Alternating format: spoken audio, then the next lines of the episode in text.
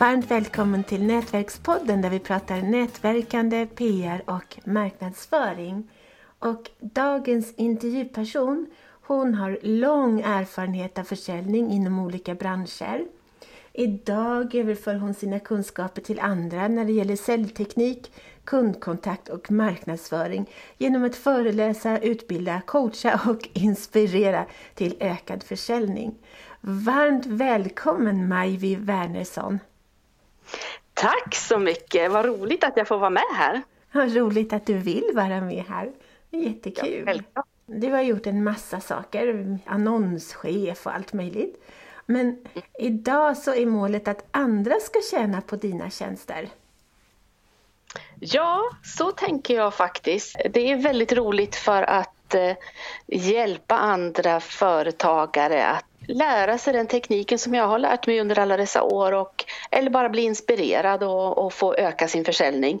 Och jag tycker det är jättekul, verkligen. Gud så härligt. Åh, oh, jag skulle behöva hjälp. Jag, vågar, jag kan aldrig sälja någonting. Det där är ju fantastiskt för att det, det är ju det som som jag hör många säga för att eh, man kanske brinner för sin verksamhet eller sin produkt eller sina tjänster eller så. Men man tycker det är så fruktansvärt jobbigt att sälja.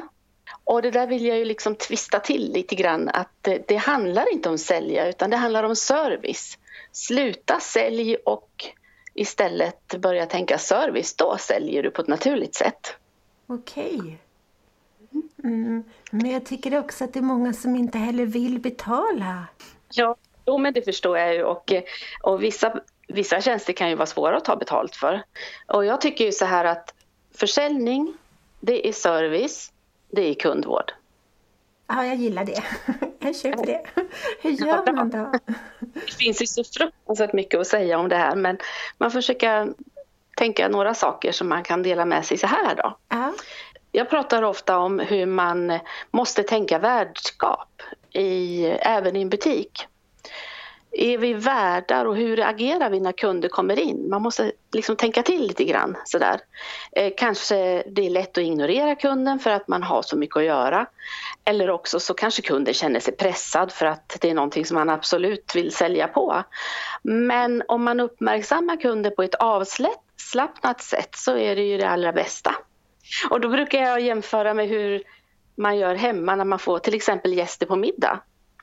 Skulle man ju då liksom bara ignorera dem när de kommer eller tror jag inte.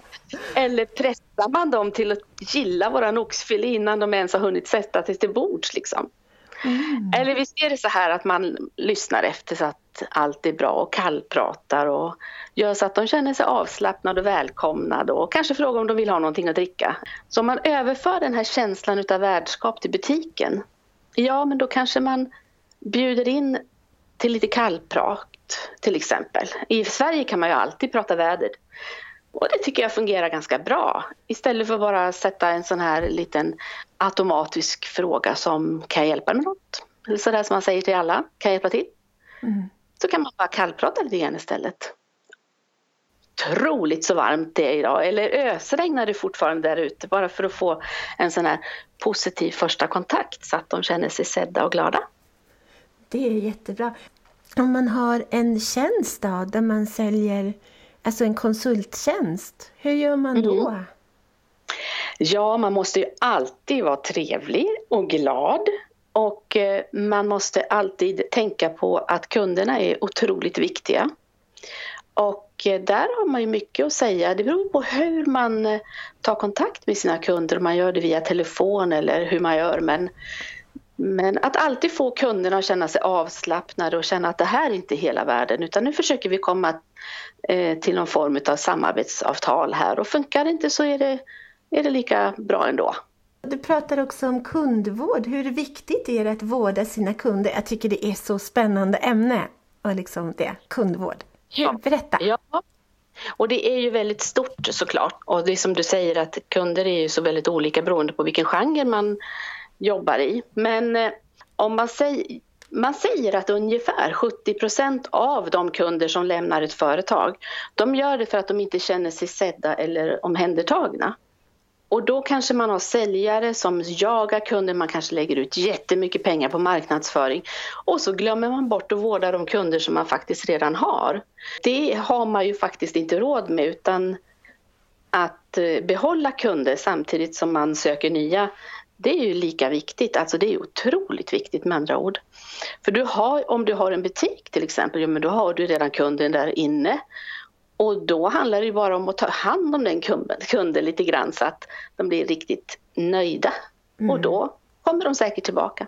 Mm. Om du gör, även om de inte handlar någonting, men om man gör så att de tycker att det är så otroligt trevligt att, att hälsa på i den butiken och vistas i den butiken så blir det affärer till slut. Mm. Förr eller senare, bara de kommer tillbaka. Det största konkurrensmedlet du kan ha det är ju din service. För de kanske till och med att du måste ta betalt lite mer än vad man gör på nätet för att din butik ska gå runt. Men om man får jättebra service och, och, eh, och, hjälp med allting och man tycker det är mysigt och trevligt att komma in till din butik, då har man ju större chans att klara den här konkurrensen. Ja, men jag läste om något företag i Småland som drev någon hälsokostbutik och hon mm. berättade i artikeln att det är jätte, hon har jättemånga som kommer in till henne och vill veta mer om varorna och sådär. Och hon berättar så gärna. Och sen så går de hem och beställer samma varor via internet. Visst är det, det, är, det, alltså det är ju det är ju otroligt tråkigt. Jag blir nästan arg när jag hör det för att eh, det jag tycker är ruggigt oschysst och jag tycker att det är så mysigt med butiker så man ska verkligen i den mån som man bara kan gynna dem. För att vad vore ett samhälle utan små mysiga butiker som man kunde gå in och ut i och titta i? Och så. Ja. Jag tycker nog så här att nej men, om jag går in i en butik så ställer jag mig nästan där mitt på golvet och, och säger hjälp mig. och så får jag jag tycker om när, när det är duktiga butiksmedarbetare ja. som hjälper till och säljer till mig och tipsar om nya saker. Och, och eh, ja, man har ju sina favoritbutiker då, och då är det kul om de vet vad man har för stil och vad man passar i och allting sånt. Ja, jag håller med. Och jag, va, hur kommer sig, det här undrar jag ofta, hur kommer det sig att folk inte tänker på det? Jag kommer ihåg för många, många, många år sedan, då jobbade jag på en liten så här, i en delikatessaffär kan man säga, eller en delikatessdisk var det. Mm. Och folk uppskattade det och att den fanns, den här mm. delikatessdisken. Men de köpte mm. inte. De ville bara ha möjligheten att köpa. Och varför ja. tänker inte folk på det att någon måste köpa, annars så måste butiken lägga ner? Ja visst är det mysko. Nej, jag förstår inte. Jag förstår inte den grejen. Och om man nu tycker att det är mysigt att ha en delikatessbutik, då vill man inte bara titta på den, då vill man ju provsmaka och, och få tips och råd och, och köpa massa goda läckerbitar ju. Ja. Ja, alltså det där är sånt som jag kan fundera över jätteofta. Mm. ja. Men, men, har, men att, mer tips då till alla som vill bli bättre på liksom, mer försäljning och kundvård och så? Ja, jag tänker på um, det här med, vi pratar om värdskap mm. i butiken. Där måste butikschefen gå före med gott exempel tycker jag. Och det handlar om, om att ta hand om varandra redan i personalen så att man är varm i kläderna och van att göra så när man går ut till eh, kunderna. Mm. Att vara lite serviceinriktad och så. Och, eh, ja, butikschefen ska gå före med gott exempel tycker jag med, mot sina medarbetare. För vänlighet och omtänksamhet det smittar. Mm. Och har man en sån miljö i företaget då smittar av sig på kunderna direkt. Mm. Ja, det är så sant. Ja. ja. Och sen så tycker jag att man ska inte nöja sig med bara att ha nöjda kunder. Det är jättebra. Men vad händer om man får lyriskt nöjda kunder som jag brukar säga? hur, hur mycket värt i pengar är det? Vi pratar PR eller, eller mun-till-mun-metoden, du vet med marknadsföring. Eh, om man är riktigt, riktigt nöjd med någon, ja men då berättar man ju det så här. Vi jobbar ju på LinkedIn en del, både du och jag, så här och där läser man ju när folk är nöjda och vad man delar med sig. Det behövs inte vara så märkvärdigt men små detaljer. Att ägna någon extra minut för varje kund, det kan göra att, att eh, de blir lyriskt nöjda och kommer tillbaka och kommer tillbaka hela tiden. Mm. Det, är ju, det kan ju eh, göra otroligt mycket för butikens intäkter. Mm, ja, gud mm. ja. Mm. Härligt. Och sen har jag ett no-no och det är ju att um, man kommer in i butiker ibland, där kan man uppleva att butiksmedarbetarna står och pratar med kompisar eller var på mobilen eller på datorn eller så. Och det kan mycket väl vara så att det är någonting som man behöver beställa eller så, som, som är jobbrelaterat. Men man får ju göra det snyggt därför att man måste ju känna sig prioriterad när man kommer in i en butik. Annars så får man ju fel signaler från medarbetarna där. Ja. Eller hur? Jag, jag väntade, jag stod, jag måste bara berätta. En gång så var jag i en butik och, eh, och, och då hon som stod bakom kassan, hon pratade i telefon. Och jag tänkte, jag väntar lite då, liksom. det kanske är något viktigt. Och sen så hörde jag att hon pratade om sin katt. Ja. och hon pratade på, på och pratade på, på, pratade på. Jag tänkte, ja, men jag väntar, jag tyckte, jag tyckte det var lite spännande. Och sen så försöker hon gömma sig. Så jag stod en, en halvtimme och väntade på henne medan hon pratade om sin katt. Och, hon pratade om, och så försökte hon gömma sig under disken. Så tyckte det var pinsamt. Det är intressant. Jag blir just påmind det. Det har jag hört talas om. Ja, men då tycker jag så här, det är ju, det är ju ofta kanske en eh, anställd i butiken som inte egentligen känner det ansvaret för butiken som kan göra sådana saker. Och då tycker jag att man ska anlita en mystery shopper.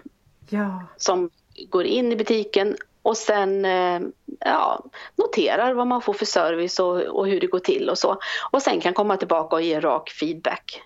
Eh, ja, om man vill så kan man ju ta det med medarbetarna och chefen eller också bara till eh, butikschefen. För det är också lätt att bli hemmablind. Man kan ju behöva hjälp när det gäller bara att, att eh, se hur butikskommunikationen fungerar. Om, om man som kund uppfattar det som man i butiken vill försöka säga. Mm. Det är inte säkert. Nej. Det kan ju vara väldigt självklart för en själv men svårt att uppfatta för en kund. Ja, jätte, jättesvårt. Mm. Ja. Mm. Bara en fråga då, om merförsäljning. Hur, mm. hur satsar man på merförsäljning? Där tänker man fortfarande service. Man eh, ser kunden som en vän som man är, hjälper på ett naturligt sätt när man är ute och shoppar så, så är det inte konstigare än så. Om det är någonting som man tycker att kunden borde ha nytta av, några extra batterier eller någonting som passar till eller sådär, eller ett specialerbjudande, så, så tipsar man och hjälper till. Man gör det inte så märkvärdigt utan man, man tipsar Aha. på ett trevligt sätt. Jättebra. Det är viktigt tycker jag. Jag tycker det är kundservice. Ja, jag håller med. Mm. Strålande Majvi, tack för dina tips. Ja, det var, det var ju lite grann i alla fall, men det var hemskt roligt att prata med dig. Tack detsamma Majvi. Det här avsnittet presenterades av min tjänst Hjälp en journalist. Vill du få mina PR-tips helt gratis? Tips som baseras på vad jag själv har gjort för att bli intervjuad 1600 gånger i radio, tv och tidningar. Det går bra. Gå bara in på www.hjälpenjournalist.nu prenumerera. Då kan du ladda ner mina PR-tips helt gratis. Varmt välkommen!